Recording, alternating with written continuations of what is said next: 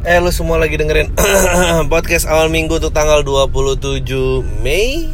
Mei Mei Mei Mei Mei Mei Mei Mei um, 2019 Gimana kabarnya? Semua udah lama banget gua Gak monolog uh, Bacain pertanyaan-pertanyaan dari kalian yang sangat galak uh, Gimana kalian? Ibadah puasanya semoga lancar-lancar saja uh, pasti banyak banget ya teman-teman yang apa uh, dulu ada iklan Ramayana tuh cuma wacana aja. Uh, pengen bukber bukber. Terus ya kejadian. I've been silence karena uh, ya lagi nggak ada tamu sih kenapa itu soalnya. Uh, many of you really acting like an asshole ya. Setelah gua uh, podcast itu ya itu harus dilakukan karena bertahun-tahun gue nggak tahu monetisasinya bagaimana. Uh, and you know I, I I like to get more viewers in. Um, gue rasa nggak ada orang yang nggak mau melakukan usahanya. Uh, untung. Gue gue tuh sebel sama orang-orang eh, ini kapitalis apa gini. Men apa yang basisnya nggak kapitalis di sini men? Semuanya kapitalis yang sumbangan di yatim piatu aja tuh kapital ada untungnya. Kalau gak dilakuin goblok. You just don't know. Uh, lu nggak pernah protes karena lu seolah-olah oh gue melakukan kebaikan. Lu juga melakukan kebaikan dengan membiarkan gue memiliki audiens yang lebih luas dengan kayak gitu gue bisa monetisasi. Uh, everybody wins. Nobody wants to do this shit.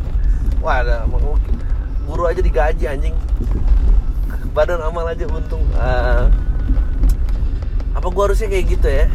So, kalau gue bisa menjaminkan pintu surga untuk kalian gue buka nih donasinya. Itulah problemnya dengan kita teman-teman. Just because ya. Uh, just because amal.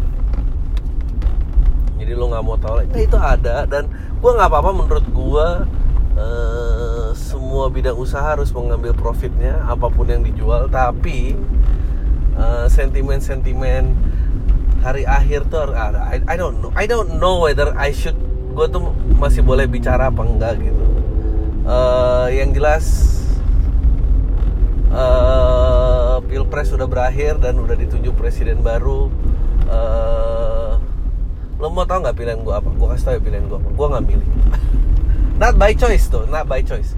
Karena keadaan uh, gue nggak dapet surat pilihan dan I don't know I gue udah nggak dapet surat pilihan dari zaman gubernur dan uh, ya gue rasa uh,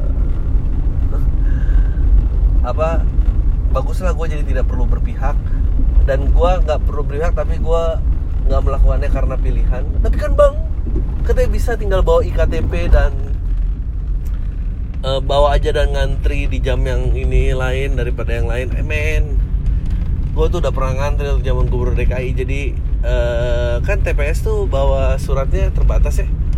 Uh, karena kalau kelebihan nanti ntar semua orang menyalahgunakan. Uh, jadinya lu diantrin cuma sejam. Tapi kan yang nggak dapet surat kayak gue kan nasibnya banyak ya. Dan di situ lu berebutan sama bapak-bapak komplek yang merasa suaranya bisa mengubah arus dari negara ini. Itu bukan pertarungan yang ingin gue menangkan saudara-saudara. Uh, biarlah jika ada orang-orang yang ingin bersemangat ya monggo gue sih ah fuck it lah. Gue capek daripada gue berebut udah gitu yang gue dapat cuma kayak eh, kalau udah kehabisan pindah ke TPS lain aja. Ke TPS lainnya udah ditutup dong gimana sih goblok banget. Uh, gue nggak tahu ini noise nya gede banget apa nggak gue rasa sih enggak ya. Um, ya gitu dan man a lot of adults acting like children ya. Uh, uh, here's what's weird about adult ya ad, banyak orang dewasa yang bertingkah seperti anak kecil karena perbedaan pilihan. Banyak orang dewasa yang ternyata uh, trans curious ya dengan adanya filter dari Snapchat. Uh, semua orang uh, ingin mengetahui wajahnya seperti apa kalau uh, menjadi seks yang berlawankan dari yang sudah yang berlawanan dari yang uh, sudah diberikan uh, ingin mengetahui lagi muka bayinya seperti apa. I I I don't know. I don't know why ini menjamur. Ya I said it. Ya gue bilang it. Please don't quote me on social media. Ya emang itu kan kata-katanya. That's I think that's gue nggak menghina suatu kaum uh, kata-katanya tetap tepat ya transcurious uh, kan ada dulu istilahnya pada saat orang-orang ingin bertransisi orientasi seksual itu ada yang bi curious, gay curious, ada yang trans curious. Uh, ini ya kalau dipotong dan dibawa oleh kaum ekstremis, eh kaum ekstremis, no no kaum konservatif ekstrim ya. Filter Snapchat merupakan uh, pintu pertama menuju uh, trans I, I don't know.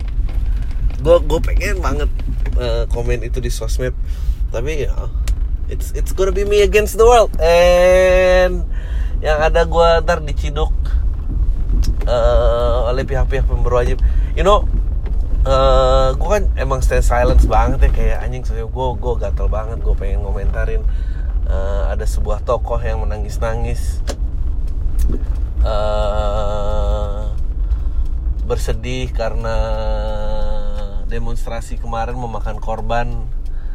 Uh, menurut gue itu uh, sangat disayangkan ya meskipun nggak tahu ntar laporan resminya apa. Uh, jangan menyimpulkan karena uh, pihak-pihak yang berwajib uh, uh, mendeklar mereka tidak menembakkan tapi dia you know, ini, ini, ini yang ini, ini yang pengen gua uh, taruh di IG stories gua dan nggak jadi so peng, hanya pendengar podcast gua yang menikmati. Please can can can we keep this between us? Um, jadi gue nggak ngerti kenapa tiba-tiba beliau nangis-nangis cerita bahwa uh, ya gue juga bersedih untuk para korban tapi yang gue nggak mengerti adalah kenapa dia tiba-tiba um, memegang peluru dan I mean that's the that's the whole production man. Itu gue pengen gue IG stories gini tadinya. Maaf pak ini jangan sampai ketinggalan. Apanya? Pelurunya? Kan bapak tahu air mata aja nggak cukup. Oh iya bener juga ya. Biar seolah-olah baru mungut dari tempat kejadian. Ya itu peluru isi. It's a whole production man bunch of children. Um, dan jalur komunikasi sosial media yang di blokir selama tiga hari apa empat hari?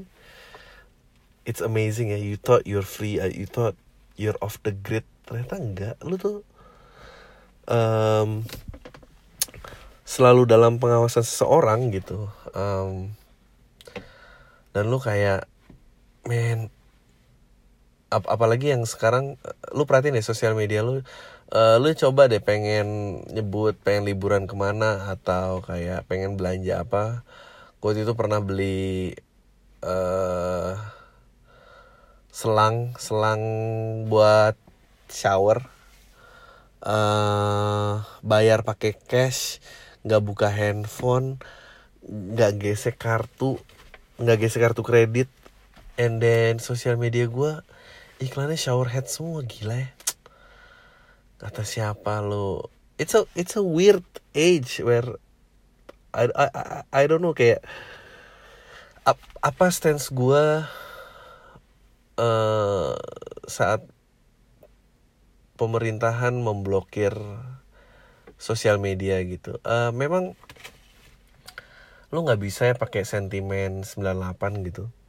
Di mana um, seolah-olah lu memberikan kuasa lebih terhadap negara-negara menjadi karena kan kita bergerak seolah dari siapa tuh? Gue lupa. Uh, siapa?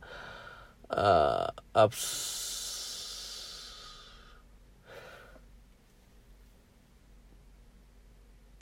power itu corrupts and absolute power corrupts absolutely gitu kan. Berarti kita emang harus trondolin dan dan itu udah terjadi dari seperti yang dilakukan Inggris saat mereka melucuti kekuasaannya dari uh, kerajaannya gitu di mana sekarang kerajaan hanya menjadi simbol budaya dan kekuasaan itu dibagikan kepada perdana menteri yang dipilih secara demokrasi. Um, apakah tindakan gue tuh nggak tahu sih kayak gue jujur sejak uh, ada teroris yang homegrown dan satu keluarga berani mengorbankan dirinya dan mengakan korban jiwa memang sayangnya Indonesia tuh baru menikmati kebebasan berbicara yang uh, sebentar sih gitu. Kita baru ngerasain itu tahun 98 maybe take fully effect di tahun 2000 pada saat at, gua rasa kalau nggak salah Habibie deh yang memberikan uh, kebebasan pers. Uh, and then gak lama tiba-tiba orang udah menjadi their own media gitu. Um, and then you don't you don't know what to do gitu kak. Karena karena mereka people have never been disconnected dan koneksi itu melahirkan apa namanya jalur jalur-jalur yang nggak bisa dimonitor sementara itu makan korban. Gue uh,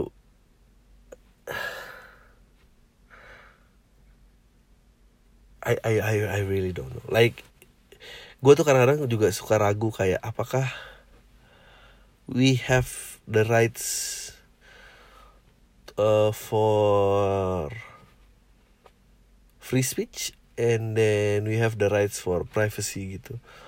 Hmm, Edward Snowden kan quote-nya terkenal banget bahwa if you don't believe rights for privacy because you have nothing to hide it's like you believe the rights of free speech because you don't believe in free speech because because you have nothing to say gitu. Itu Edward Snowden ngomong gitu. Tapi maturity dan uh, maturity kita di mana? And then uh, how do we tackle information itu berbeda. Like I notice generasi orang tua gue itu memiliki resistensi bukan resistensi eh resistensi betul. Daya tahan yang berbeda kayak kita mengabsorb uh,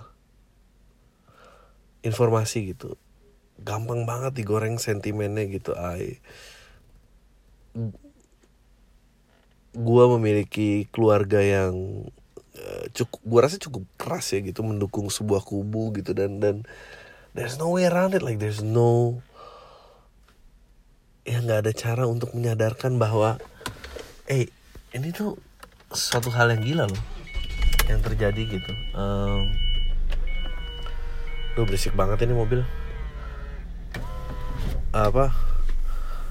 Dan dan dan dan lu nggak tahu cara menyembataninya gitu dan ya udah gitu kayak orang gila aja.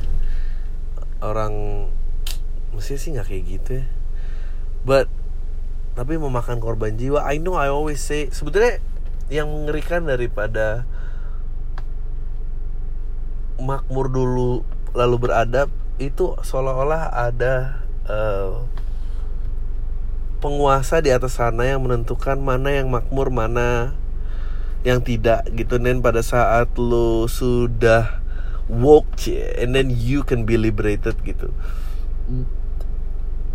Padahal uh,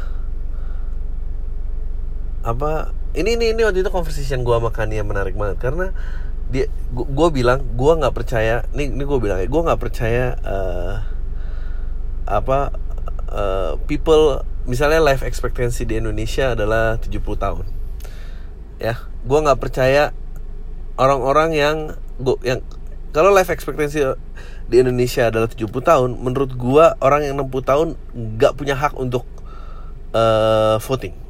Karena why determine a future if you're not gonna be in it gitu. Yang ada lu cuma nyusahin orang di bawah lo gitu kan. Dan itu yang terjadi dengan Brexit dan Amerika dan segala macam segala macam. Terus dia kayak nah dia bilang kejam juga ya udah dia menggunakan age of ini. Tapi kita kan selalu menggunakan umur untuk membatasi sesuatu like adulthood gitu. How tujuh, kita memakai 17 tahun katakanlah 17 tahun. Amerika pakai 21 Australia pakai 18 ada negara yang pakai 24 um, kapan orang dikatakan matang dan fully develop apakah oke okay, 17 tapi apa 15 kurang mature gitu? Tapi kan we need a line ya we need a lines we need to draw a line somewhere where pada saat line itu menjadi batas hitam dan putih. Kalau enggak um, hukum uh, hukum akan menjadi sesuatu yang abstrak gitu. Sementara hukum tidak boleh abstrak. Gue jujur gue benci sama penyebar hoax. Gue benci banget. Tapi melihat yang itu tuh penyebar hoax kemarin katanya uh, eh, TNI melakukan kekerasan apa memukuli apa orang ini. Dan orangnya ketangkap gara-gara pas sosial media lagi di freeze. Uh, orangnya ketangkap di Bintaro. That that thing scare the shit out of me man. Maksud gue uh, ya gimana I didn't vote for this. I mean, you know, like kalau lu bilang lu bisa berdemokrasi dan lu bisa berpendapat, lu bisa menentukan uh, di mana bagaimana sebetulnya kehidupan itu uh, atau negara menjamin kualitas hidup lu. Kan lu nggak punya vote di daerah di daerah sana tiba-tiba udah diciduk aja. That's crazy menurut gue. Hmm dan apakah orang itu gue nggak tahu gue gue penasaran gue akan ikutin kasusnya. Gue dan gue penasaran apakah orang itu akan ditreat sebagai korban? Karena ya come on lah masa satu orang sih? Gue gue tuh bingung why there's kenapa kita selalu percaya bahwa there's only one person yang melakukan gitu. Dari mulai kasus Munir. Only one person? Are fucking kidding me? Gitu. Gue tuh mulai nggak percaya dulu zaman Soeharto ya uh, gue ceritain korupsi tiga setengah triliun which is korupsi terbesar yang waktu itu pernah di uh, terpapar atau dibuka oleh di zaman era Soeharto itu oleh Edi Tansil. Tiga setengah triliun Edi Tansil sendirian satu orang gitu. Nggak nggak ada getaway car nggak ada gitu maksudnya. Masuk satpam masuk gedung tukerin KTP naik aja turun lagi nggak ada yang jemput nggak ada yang nganterin nggak ada yang nelpon nggak ada nothing nggak ada. Kayak how gitu. How a person can complete a, a big operation gitu. Nah sama dengan kasusnya orang ini gitu. Emang emang dia ya orangnya. This guy yang you know lihat deh profilnya. Yang kayaknya nyari pacar aja susah.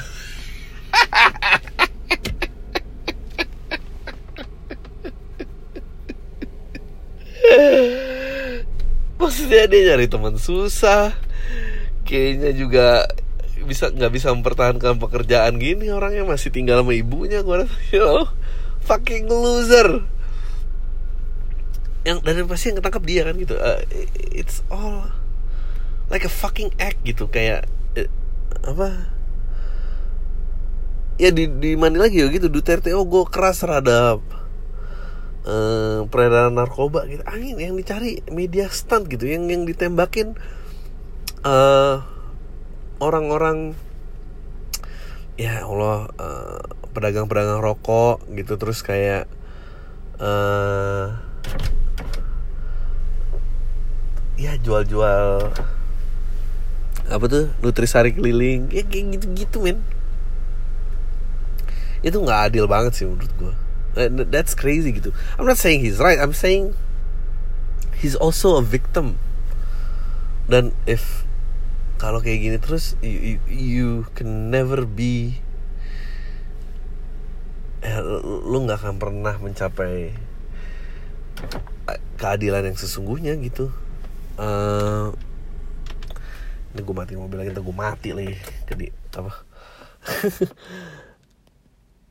Lu lu nggak lu mahamin gue gak sih betapa resahnya ini?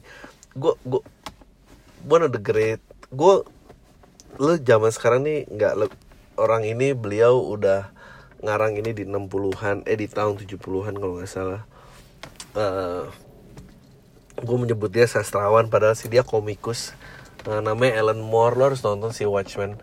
Dan akhirnya itu adalah perang gagasan antara mencapai sebuah keadilan itu harusnya memerangi kejahatan satu persatu atau kita mencari common enemy atau ke apa kemakmuran itu eh jadi gini kemakmuran itu berdasarkan memberantas ketidakadilan satu persatu atau kemakmuran itu harus berdasarkan kebohongan. It, it, itu menurut gue fucking awesome banget sih. Uh, komiknya di komik Watchmen cuma 9 9 kalau nggak salah 9 terus uh, di filmnya cuma satu tapi katanya pengen dijadiin series gitu I hope they don't ruin it. Uh, lo harus nonton sih. Hmm, sama kayak sekarang gitu du lu gua dan gue nggak tahu jawabannya kayak gue kira gue kadang-kadang soal gitu makmur dulu sebelum beradab gitu. Berarti gue tuh lebih yang kanan ya berdasarkan kebohongan ada suatu entitas di atas membatasi dan memilih mana yang boleh lewat mana yang enggak gitu. In order to create peace and freedom atau freedom itu sesuatu chaotis uh, dunia yang chaos aja dan harus perangin satu persatu. Gue tuh tor banget ya meskipun gue mulai memberanikan diri ah udahlah chaos aja lah dunia nggak apa-apa kalau chaos juga. Emang apa sih salahnya? Emang kita mau ngapain sih? Mau berapa lama sih hidup di sini? Hmm. ya itu gila sih menurut gue what if what if one day one day uh, podcast al minggu tiba-tiba melahirkan uh, sebuah seorang murid yang mangkir gitu ya. Take membawa, membaca ajaran ini to the next level uh, dan mulai bantai-bantain orang gitu. I don't know. But one thing for sure yang yang gue hmm, gue harus bela karena gue stand up comedian dan berada di industri perfilman gue rasa kebe kebebas gue nggak tahu apakah freedom of speech itu sama dengan uh, freedom of expression gitu uh, freedom of narration. Gue percaya gue percaya demokrasi ruang tertutup sih. Maksudnya gue gue percaya pengklasifikasian penonton gue percaya gue tidak percaya censorship. Gue karena kalau udah se tapi susah gitu. Lo either all in atau lu nggak all in gitu. There's no way around it gitu. Ya sejauh ini sih orang masih bisa dengan uh, pengklasifikasian penonton ya. Which is yang nggak akan dilakukan kayak misalnya podcast ini atau sosial media platform karena mereka masih indie kalau di marketing tuh fase mendapatkan consumer sebanyak-banyaknya jadi rulesnya dibuka gitu. Gue sih nggak mau sebetulnya gue di follow seseorang yang di bawah 17 tahun. Ini bukan konten tapi kontennya nggak bisa gue protek seperti itu gitu. Jadi gue juga dilematis gitu. Dulu tuh yang menarik adalah gue pernah mempelajari bahwa akhir pada akhirnya oh dia bilang eh hanya telepon telepon landline nih kalau di uh, media demokrasi terakhir karena itu uh, tidak dimonitor meskipun di Amerika sejak 9/11 dia tidak dimonitor tapi ada certain words yang kalau lo omongin itu men-trigger uh, untuk direkam dan untuk dianalisa berikutnya. Uh, ini waktu zaman kuliah ya waktu itu cellphone udah ada. Dan mereka udah mau ya cellphone nggak kayak gitu. It's always monitored uh, seperti account Instagram lo mereka mulai ngambil dari mikrofon lo. Kalau lo nyebut apa pasti ntar iklannya jadi kayak gitu gitu terus. Uh, dulu tuh ada yang sebelum diberantas tuh makanya di Terminator dipakai kan uh, pada saat orang-orang mencari refugee atau apa media demokrasi terakhir itu selain telepon yang masih dipakai adalah radio amatir sebetulnya. Uh, gue nggak tahu apakah masih ada um, yang bermain. Tapi itu dulu gue sempat main sih kayak dan dan menyenangkan. Tapi gue mainnya kayak like I don't know. Mungkin lebih dari 20 tahun yang lalu kali. Dan radio FM udah mulai menjamur di mana dan dia ada frekuensi sendiri dan itu uh, free tuh. But how do you protect gitu? When kapan semua institusi ini hancur gitu? But can can human survive without rules and ini? I don't know. Um, ya itu gue udah lama nggak siaran dan, dan akhirnya cuma membuahkan pikiran seperti ini. Gue tuh kadang-kadang nggak pengen siaran karena topik gue ini nih aja. Karena emang udah nyampe situ doang sih, udah mentok. Kayak gue harus mulai mencari topik yang lebih kecil deh biar nggak terlalu ngawur-ngawur. Sekarang uh, I think it's time to read the questions. Ini udah lama banget nih questionsnya udah banyak banget. Kalau lo masih berminat, please email ke podcastaminggu@gmail.com atau ada di ada juga di bio uh, Instagram gue. Hmm, baca dari mana ya? Oke. Okay. Wow banyak banget ya. Kita lihat ada yang penting nggak? Nah, nah, nah, nah, nah, nah. Masa gue udah nggak siaran dari Oh ini tamu pemilih pertama Enggak lah. Gue ini bulan apa sih?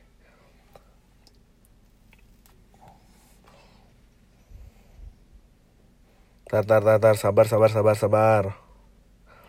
Gue scrollnya kejauhan nih. Maret April Alpi Sugoi uh,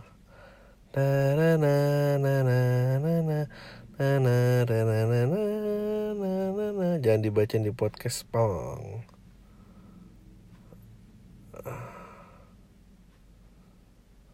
uh,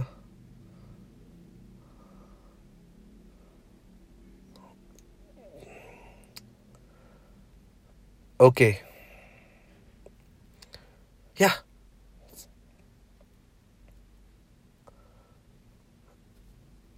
Ah, ini dia nih. Oke. Okay. Eh, uh, gua ngapain nanya aja promo. Ah, udahlah, gue skip aja kalau promo. Anjing udah lama promo lagi. Eh, uh, gue pernah baca berita dari koran di situ termuat pendapatan artis Instagram dan YouTube bakal dikenain pajak menurut lo gimana? Ya harus lah kalau gue sih aneh aja toh misalnya selebgram itu kan beli dan HP uang kamera sendiri kuota wifi masa mau dipajakin lagi ya kan lo hidup di negara ya kalau enggak gimana? Kan we all paying rent sebetulnya. Bang kemarin nonton Panji Tour di Jakarta nggak terus bakal nanti lokal stand up deh. Oh basi gini. Nggak oke. Okay um, mengenai podcast terakhir 21 Januari air rasa abang harus baca buku. Daerah daerah oke nggak jadi. Uh,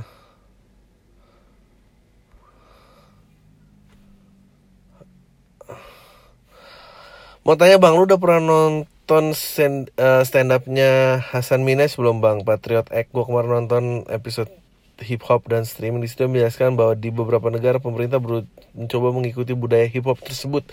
Yang mirip presiden yang suka ngevlog dan mengikuti zaman katanya. Menurut lo ini mereka beneran mau mencoba mengerti anak-anak muda atau pengen terlihat citranya baik-baik?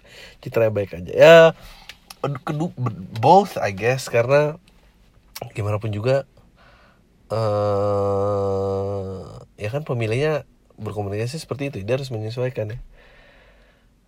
You know oh buat orang-orang yang sering ngatain gue ah Adri udah mainstream sekarang men mainstream tuh lu lihat angka partisipasi pemilu berapa? Nah itu itu baru mainstream. Anything itu indie men.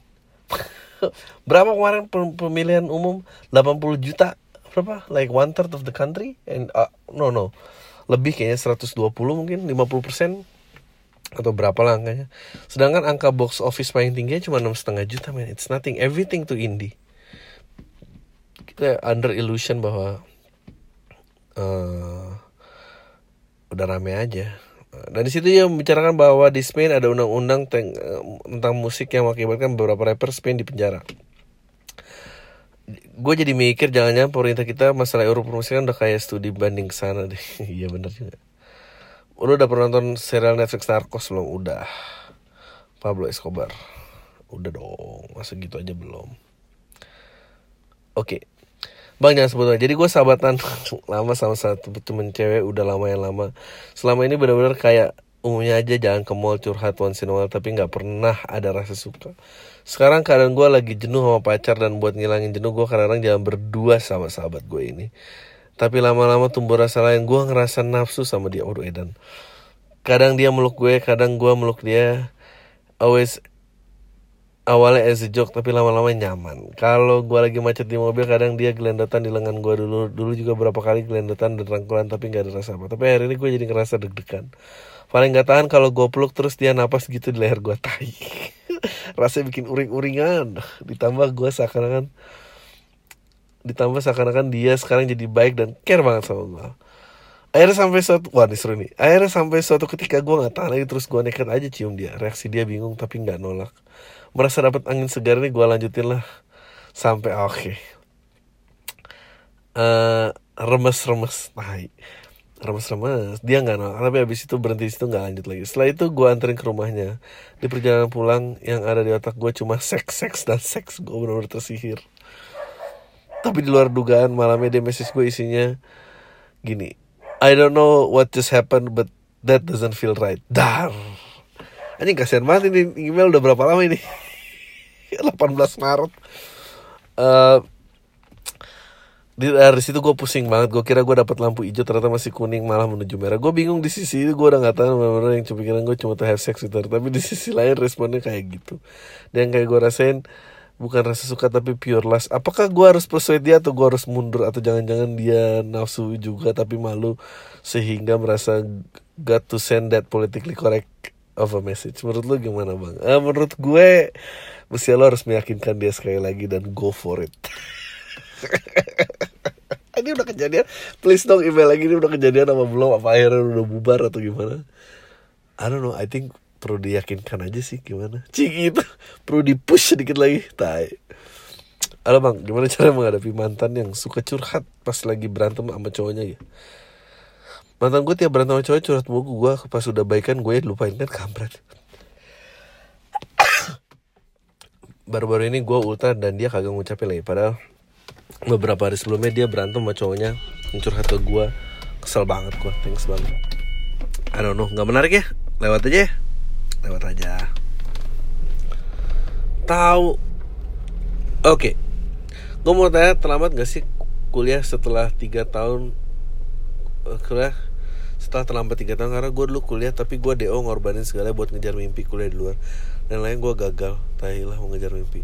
Dan sekarang gue cuma ngerepotin di rumah makan tidur makan tidur. Pengen kuliah karena cibiran mak gue nggak kode mulu buat kuliah. Tapi ngeliat temen gue udah kakain gue jadi mabak kayaknya tahi banget lah. Terus lu mau jadi apa? Kan makan tidur makan tidur bukan pilihan dong. Gue bingung mau kuliah mau ngejar mimpi yang sudah gagal tiga kali kemarin. Dan gue bingung bang kalau kuliah yang prospek kerjanya gede atau sesuai gue minat banget. Ah lu mah hidup kebanyakan tentang diri lu sih. Kerja aja eh kuliah aja men. Atau kuliah sambil kerja gitu uh, kemarin lo rekomendasi nonton Kingdom gue rekomendasi nonton Rampat bang oke okay. uh, Bang, gue penasaran kira-kira lo pernah gak sih berada di kondisi di mana lo kesulitan buat nyamain pemahaman tentang obrolan yang lo mau bawa sama lawan jenis lo. So, soalnya episode terakhir lo bilang gak kesulitan deketin cewek. Jadi kayak beda referensi lo bingung mau ngobrolin apa jadinya. Eh, uh, enggak sih, maksudnya orang tuh emang pasti beda-beda sih. Gue udah berhenti. Dulu dulu waktu lingkungan gue kecil gue berharap semua orang referensinya sama. Tapi setelah besar kayaknya gue nggak berasa itu lagi deh. Sama ber bermaksud ngerasa lebih baik dari orang lain ya bang. Terlepas guanya yang emang cupu tapi gue sering bahasan gue sendiri nilai ketinggian sama cewek yang gue deketin. Cewek lah tau dari mana lo itu kan lo menilai diri sendiri. Gue cewek uh, yang neneng atau guanya aja yang sok ketinggian bang. Titain juga bang lo pernah di situ kayak gue sering di situasi kayak gitu but you know eh, semakin dewasa itu semakin nggak penting sih kayaknya. Uh, ya gitulah. Ini apa lagi ada orang yang ngirimin fotonya? Bang gua uh, anak satu di tiga bersaudara dua adik gue cewek satu SMA dan kelas 3 satu lagi kelas SD kelas 4 umur gue baru 20 gue lulus SMA 2016 dan gue nggak kuliah. Bukan karena nggak ada duit bang. Tapi bokap gue nyuruh masuk fakultas mendalami ajaran agama atau masuk fakultas hukum jujur gue nggak suka keduanya bang. Akhirnya gue pilih lanjutin usaha bokap selama tiga tahun. Gue selalu ngerjain selalu di, salah di mata bokap dan buat tabung diri sendiri untuk kabur ke Jakarta. Oh menurut gue kabur men uh, tapi jangan nyolong. Ini mau nyolong duit bokap kan? Jangan nyolong duit bokap. Ini ada berangkas mau di gak penting men jangan nyolong. Lu kalau mau kabur ya kabur dong. Cari sendiri gimana sih gue ada pertanyaan. Kalau dijawab. Bang mobil di bawah 200 juta yang udah pakai fitur hill start assist yang bikin mobil nggak mundur pas tanjakan itu apa aja ya? 200 juta. Nggak ada. Honda Civic nya 300an tapi kalau second mungkin ada kali. Itu tuh dia tanjak nggak mundur tuh. Eh uh, kemarin gue nyewa pekerja gue nyewa PSK ya ampun. Sampai kamar ceweknya nggak nyediain proteksi. Ini kali pertama gue nyewa. Buset, jadi gue nyewanya nyediain. Tuh sudah di kamar akhirnya gue terusin nggak pakai. Nah abis itu gue malah panik takut ketularan penyakit yang mungkin aja ada di dia. Salah sendiri. Menurut tuh seberapa besar resiko gue ketularan? Nggak tahu. Ada gejala-gejala. Kenapa jadi begini sih? Apa emang balik jadi tamu aja ya? Gak usah baca-baca surat gini panik nanggepin segala rasain cek darah aja. Gini emang dilema jadi orang miskin. Lah gimana sih? Goblok bang kalau ada dunia yang tahu kita soulmate kita siapa bang mau tinggal dunia itu apa enggak? Enggak. Sekarang aja men. It's okay. Show LPLK itu kota dari apa? Jakarta Bang film Leonardo DiCaprio yang meranin orang keterbelakangan mental judulnya What's Eating Gilbert Grape bareng Johnny Depp. Nggak tahu gue gue harus lihat sih kayaknya bagus halo bang. Gue nggak usah disebut gue balik lagi kalau lu inget gue orang yang dulu pernah nanya soal gue bingung soal diri gue gue rada-rada agnostik berkat lu gue mulai kepikiran mencari agama yang cocok buat gue mikirin lebih matang soalnya usia gue masih sangat muda 17 tahun. Ya lu masih galau-galau gitu Uh, kemarin gue sempet nggak ngomong sama bokap sekitar 5-6 bulan karena ada masalah yang gue hadapin sama dia. Gue kecewa sama dia cuma gue akhirnya bisa buang ego gue dan minta maaf duluan. Gue mau nanya bang menurut lo gimana cara ngebaikin hubungan sama orang tua? I don't know man. Gue juga eh, nggak uh, seakrab itu. But you know here's one thing ya tentang orang tua. Ternyata orang tua tuh uh, anak-anak juga. Mestinya kita karena labelnya orang tua aja jadi kita suka ragu gimana gitu. Padahal mah mereka juga manusia dan penuh kur banyak kekurangan tai. Anyway doain gue buat masukin perguruan tinggi negeri ya bang. Kemarin gue ditolak jadi ditolak jalur undangan. Mantap. Gue rasa lo akan jadi orang besar kalau lo bisa manfaatkan orang tua lo di usia segitu Selama 2 tahun ke belakang, gue kuliah di jurusan yang ada kaitannya sama pemasaran dan periklanan. Selama 2 tahun itu gue bingung dan minder soalnya ngerasa left behind dari teman-teman sejurusan dari segi practical skill. Desain gak bisa, video realisasi juga nggak nulis-nulis apa lagi. Kira-kira yang perlu gue lakuin ya apa gue harus pindah jurusan tapi gue terlanjur seneng dengan jurus belajar ya kalau seneng ya jangan pindah dong. Ya dicari dong gimana gimana sih? Babi ini nggak bisa ngabisin bacaan aja langsung aja ya gue mau nanya apa pendapat lu tentang akun-akun alter yang banyak di twitter gitu? Bukan not safe for work gitu. Ayah akun-akun itu lo hiding side dari mereka nggak bisa ngungkapin keresahan sesungguhnya. Yang di follow biasanya karena akun biasa di follow keluarga. Ya nggak apa-apa ya. Semua orang butuh jadi dirinya. Jadi gue kemarin tuh ikut teman tongkrongan anak alter teman gue ini kenal mereka lewat akun alternya dan mereka biasanya jarang pakai nama sendiri. Dan wow mereka tuh bener-bener yang dari kalangan macam-macam gitu. Mungkin kalau mereka cari teman kayak di akun realnya itu nggak bakal ketemu.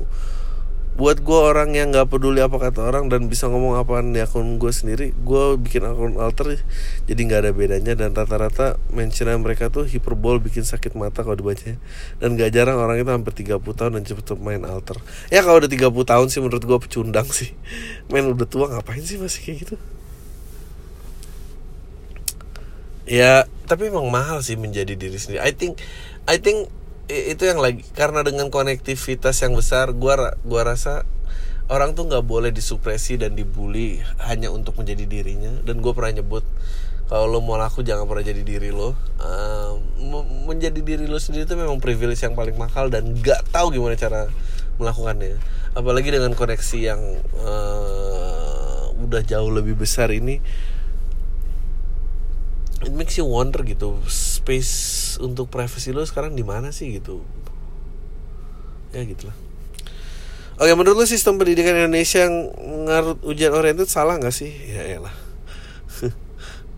I mean kemarin gue liat infografis di mana ngebandingin pendidikan di Indonesia dan di Eropa di sana ujian benar-benar final terjadi cuma di perguruan tinggi. Selama mereka SD SMA meningkatkan kualitas dari dari self skill. Kira-kira menurut lo yang idea gimana? Ya kalau ditanya kekurangannya banyak kekurangannya. Uh, eh, gue pernah ngobrol sama CEO nya ruang guru. Kita tuh ketinggalan berapa 30 tahun mungkin ya apa mungkin lebih.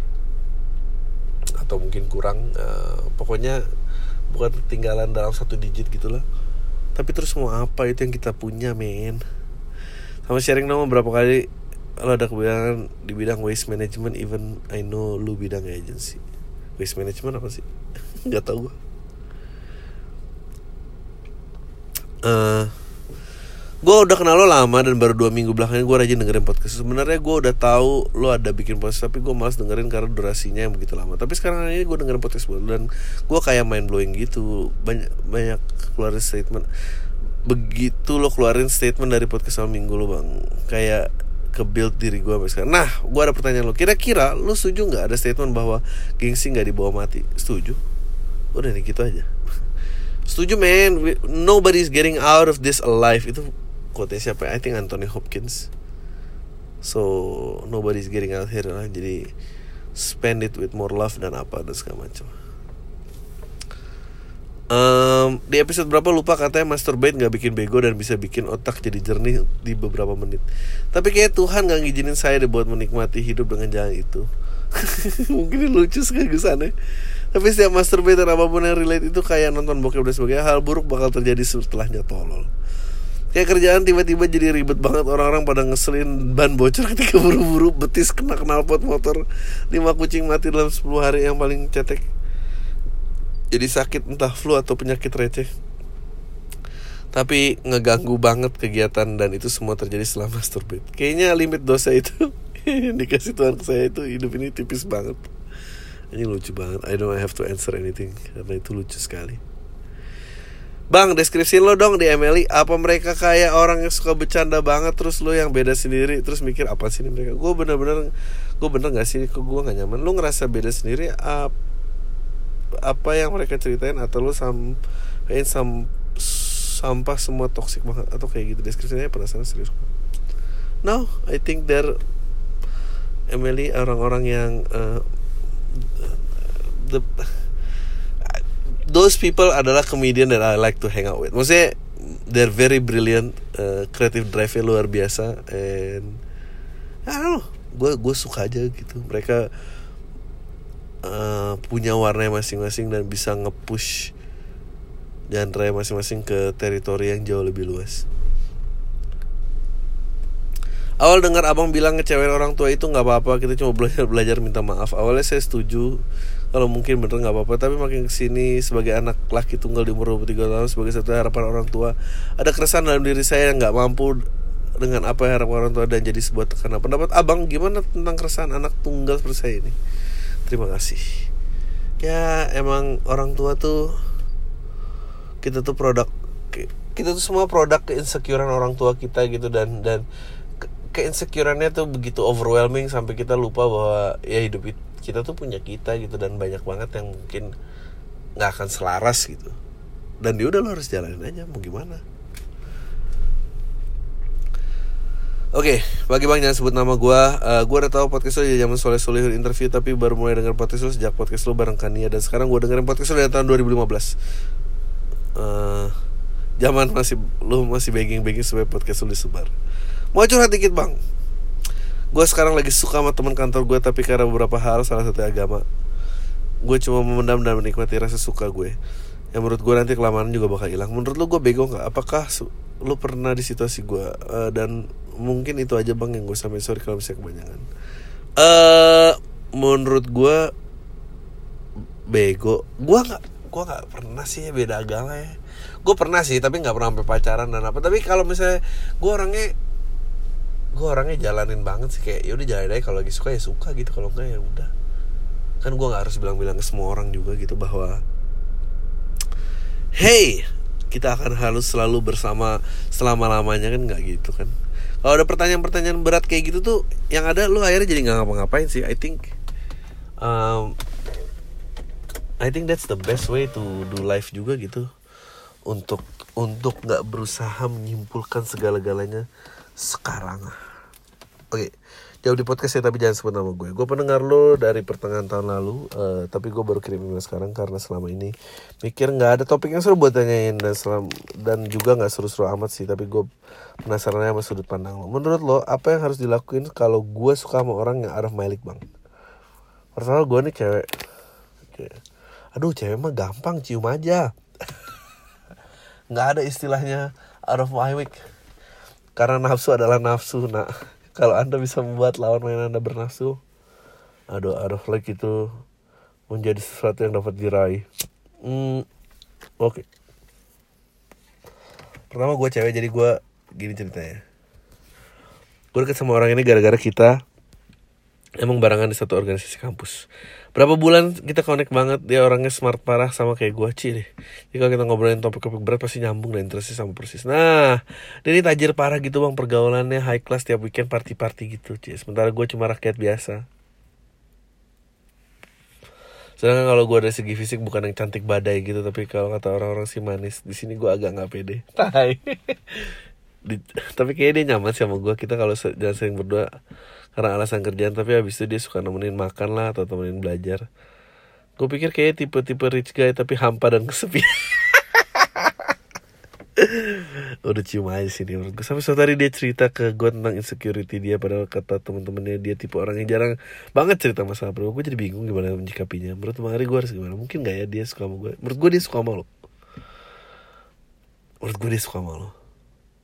Menurut gue cium aja ajak nonton ajak nonton ajak nonton ajak nonton terus pegangan tangan terus tarik dikit tarik dikit. Lu jangan cium dulu lu tarik dikit aja gitu hmm. bang kenapa India bisa lebih maju daripada kita? Padahal budaya mirip. Seperti di film PK 3 dia tapi sekarang sudah menjadi negara kuat di antariksa. Menurut abang bagaimana ya anjing. Kata siapa kita sama India? Mereka jauh lebih maju men. Traffic internet paling tinggi kan semua ada di India uh, dan gue rasa gak ada negara yang memproduksi engineer lebih banyak daripada India. Hmm. Jauh men kita sama India. Bang mau nanya gue suka stand up comedy dan pengen nyoba tapi nggak tahu mulai dari mana. Kalau denger dengar sih dari internet kata harus mulai dari nulis dulu. Nah sebenarnya nulis tuh apa sih yang ditulis formatnya gimana lain-lainnya gimana. Kalau abang manggung bawa HP aplikasi notes tuh apa isinya tulisan tulisan abang atau gimana? Tulisan gue lah isinya. By the way, apakah LPLK di, digital akan di komika.id juga? Enggak, di MLI. Uh, ya gitulah. Lo ya lo cobalah keluar dan tes tulis materi. Itu formatnya adalah setup premis punchline. Itu formatnya. Lo cari setup apa ya premis apa cari di internet ya. Bang email pertama gue sejak 2 tahun lalu. Gue rajin nanya via SFM ke PAM tapi nggak pernah via email. Gue pengen cerita aja hampir dua setengah tahun gue dengerin lo ngikutin segala macam dari mulai gue jomblo jadi selingkuhan orang punya pacar sampai akhirnya nikah. Ntar lagi mau punya anak malah wow Minta doa buat istri gue sekitar 2 bulan lagi Perkiraan melahirkan anak pertama. Oh berarti udah lahir ya? Congratulations ya. Gue pernah bilang makasih untuk inspirasi dan pencerahan dari lo Yang tak terhingga sedikit banyak pemikiran lo Mempengaruhi cara gue mengambil keputusan. Gue tau pasti lo sebel di gini. Gue barusan habis nonton video lo yang di Radit Itu gue happy banget jujur Buat gue lo adalah orang yang nuker posisi Radit Di list komika yang gue ikutin di 3 tahun belakangan. Hmm. Semenjak tahu lo gue udah berhenti ngikutin sepak terjang rajut. Boy udah main kredit juga gak sih bang? Kalau ada kesempatan ketemu gue yakin banget banyak orang yang senasib kayak gue perihal ninggalin terus pindah ke lo. Goblok jadi keinget pertama kali dan terakhir kali nonton stand up lo di LPLK di Bulungan itu gue datang sendiri terus ketemu lo lagi sama kuku lagi santai di belakang gitu gue inget lo ngeliatin gue terus gue nyelonong aja gitu ke musola di belakang gue gitu, gitu. jujur sampai sekarang gue betapa nyesel gue kenapa gak ngampirin buat ngobrol atau sekedar salaman Sampai acara selesai gue keburu cabut karena malas kemalaman sampai kosan. Jadi nggak pernah ketemu lagi pula. saat itu spanduk LPLK ada yang nyuri gitu kan gue pikir mau foto di mana gitu aja sih bang thanks udah bacain next show gue pengen banget nonton lo ketemu lo ngobrol salaman itu. Samperin dong tegur aja. Gue belum seramai itu kok untuk nggak bisa disalamin. Makanya buruan cing gitu. Hmm. halo bang Adri. Aku ngemail pakai email kampus. Disebut dong biar nama kampus gue terkenal. Ah. Gue mau nanya gimana rasanya perasaan pas diundang Raditya Dika buat ngobrolin dia mau bikin podcast? Happy menurut gue I think he's a very smart person.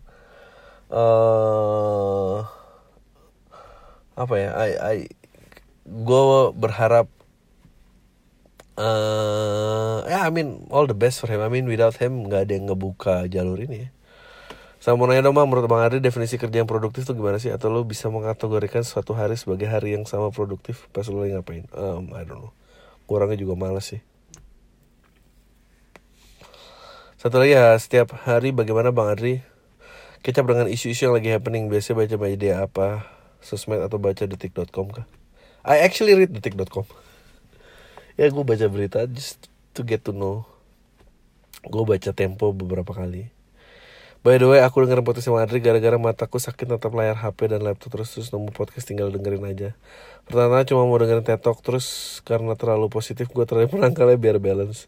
By the way, sangat terus bang jangan mau kalah sama bang Radit mantap. Apa sih nama emailnya?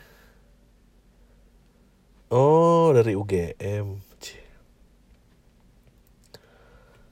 Eh uh, Bagaimana saran memulai podcast? Ah, ya mulai aja. Langsung aja bang.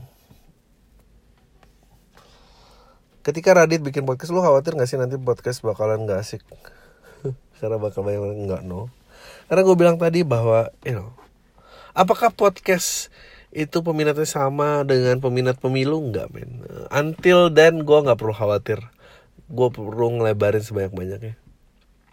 Hmm atau mungkin banyak pemain-pemain yang gede yang goblok menimbulkan masalah baru saya sih takut ya kita pemain-pemain gede goblok bikin gede semuanya dan nggak ekstrim enggak juga by the way ketika podcast nanti mulai nggak asik lo akan mau ke mana bang hmm nggak ke mana-mana kayaknya masih jauh men. I, I mean we're in in this together. I mean if you wanna fight kebegoan ya lo fight fanatisme pemilu lah. Gue punya akun podcast. Sebetulnya gue pengen ngajak kolaborasi. Lebih tepatnya ngundang tamu. Uh, tamu podcast gue fenomena podcast Indonesia. Oh iya gue mau ntar gue balas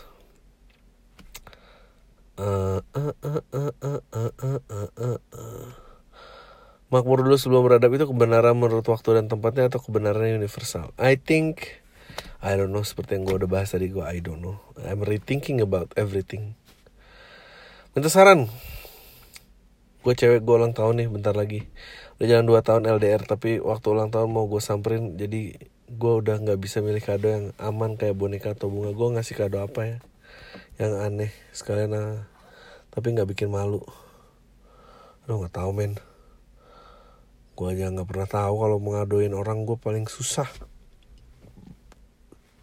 Kado-kado gitu. Aduh kepencet itu tahu apa pencet oke terakhir ya capek ya gue jadi gue pernah email kalau cerita tentang gue lagi deket sama mantan pacarnya temen yang akhirnya mereka balikan. Singkat semenjak mereka balikan gue sama sekali nggak ganggu hubungan mereka.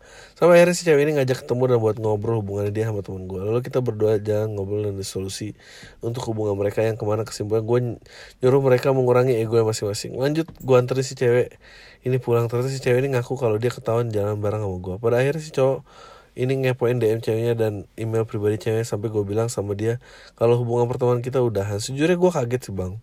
Karena kenapa ya? Kok sampai lo harus tahu isi DM email pacar lo kayak nggak ada hak privasi? Menurut lo orangnya uh, orang itu gimana? Orang itu kayak tahi sih. Orang itu kayak tahi sih. Tapi lo bagus lah lo tinggalin aja temen yang gak usah. Oke, okay. Bang gimana tanggapannya Bang Aris soal cewek yang cancel ojol karena kang ojolnya jelek tai sampah oke okay. gue nggak tahu ini bakal kebaca apa enggak sepertinya fame lu sudah semakin tinggi but would be nice if you read this though. Oke, gua ada pertanyaan ber- Oke, ini terakhir ya. Beberapa pertanyaan dan ini akan sangat panjang. By the way, gua dengerin lo di PORD itu menyenangkan sekali obrolan gua menunggu lo bilang ke Radit gue nunggu Radit melepas segala biteran kehidupannya somehow I can relate to his personality. Entahlah mungkin karena sama-sama Capricorn yang ujung-ujungnya zodiak. Tapi bener gak sih bang? Orang kayak dia mesti ketemu orang kayak lo biar keluar semua kayak tanya enggak juga. He's the guy who has so many things to lose unlike me. Oke gue mau cerita. Anjing ini panjang banget. Gue di umur 23 ini gue baru sadar kalau gue butuh banget sama yang namanya temen ngobrol Sampai gue cuma punya teman satu sahabat Dan bener-bener bisa ngedengerin keluh cerita dan racunan Atau apa pun saya on daily basis. Gue lebih sering escape lewat tulisan. Tapi baru sekarang gue sadar Oh manusia tuh butuh ngobrol Manusia tuh butuh mengekspresikan perasaannya. Dan selama ini gue berpikir semua itu gak penting Karena gue skeptis sama orang-orang sekitar gue dengerin gue tanpa judging apa pun. Ditambah lagi banyak dari hal-hal yang gue omongin sebenarnya hal receh aja. Tapi gue berpikir what's the point? Tapi untungnya gue sekarang udah lebih terbuka sama orang-orang sekitar gue kayaknya semenjak gue ketemu sama satu orang selain sahabat gue gue juga yang tahan ngobrol sama gue berjam-jam. Gue juga tahan dengerin yang ngoceh dia juga yang bikin gue sadar bahwa ya lo mau ngomong apa juga ngomong aja nggak usah takut bakal orang takut orang bakal ngerti atau ngejudge lo tau lo cuma butuh kupingnya kan gitu kata gue anjing. Banyak banget sih nih yang bikin gue bete adalah ketika gue ketemu orang yang pas atau klik banget gue bakal automatically attach sama dia. Attach sama artian gue pengen involve di kehidupan dia gue jadi care sama dia. Ah lu gampang sayang nih mana? Gue sebel karena di sisi lain gue percaya sama dua hal. Satu orang-orang kayak temen gue ini which I find really comfortable bakal cabut dari kehidupan gue aduh lu tuh orangnya skeptis aja sih ya emang gitu men. Attachment tuh emang gitu resikonya. Makanya lu keluar dong. I'm not saying I wanna be in relationship Tapi ini absurd. Gue gak mau endingnya gue jadi pihak yang desperate minta kejelasan. Kayak peng- pengen punya HP tapi gak mau dibilang pengguna HP Bener gak sih analoginya? Bener. Anjir gue jadi bingung mau nanya apa Lu pernah gak sih bikin sesuatu sampai lu bener eh. Ketiga dia tulis Gue gak tahu apakah lu bisa relatingnya apa enggak Gue berapa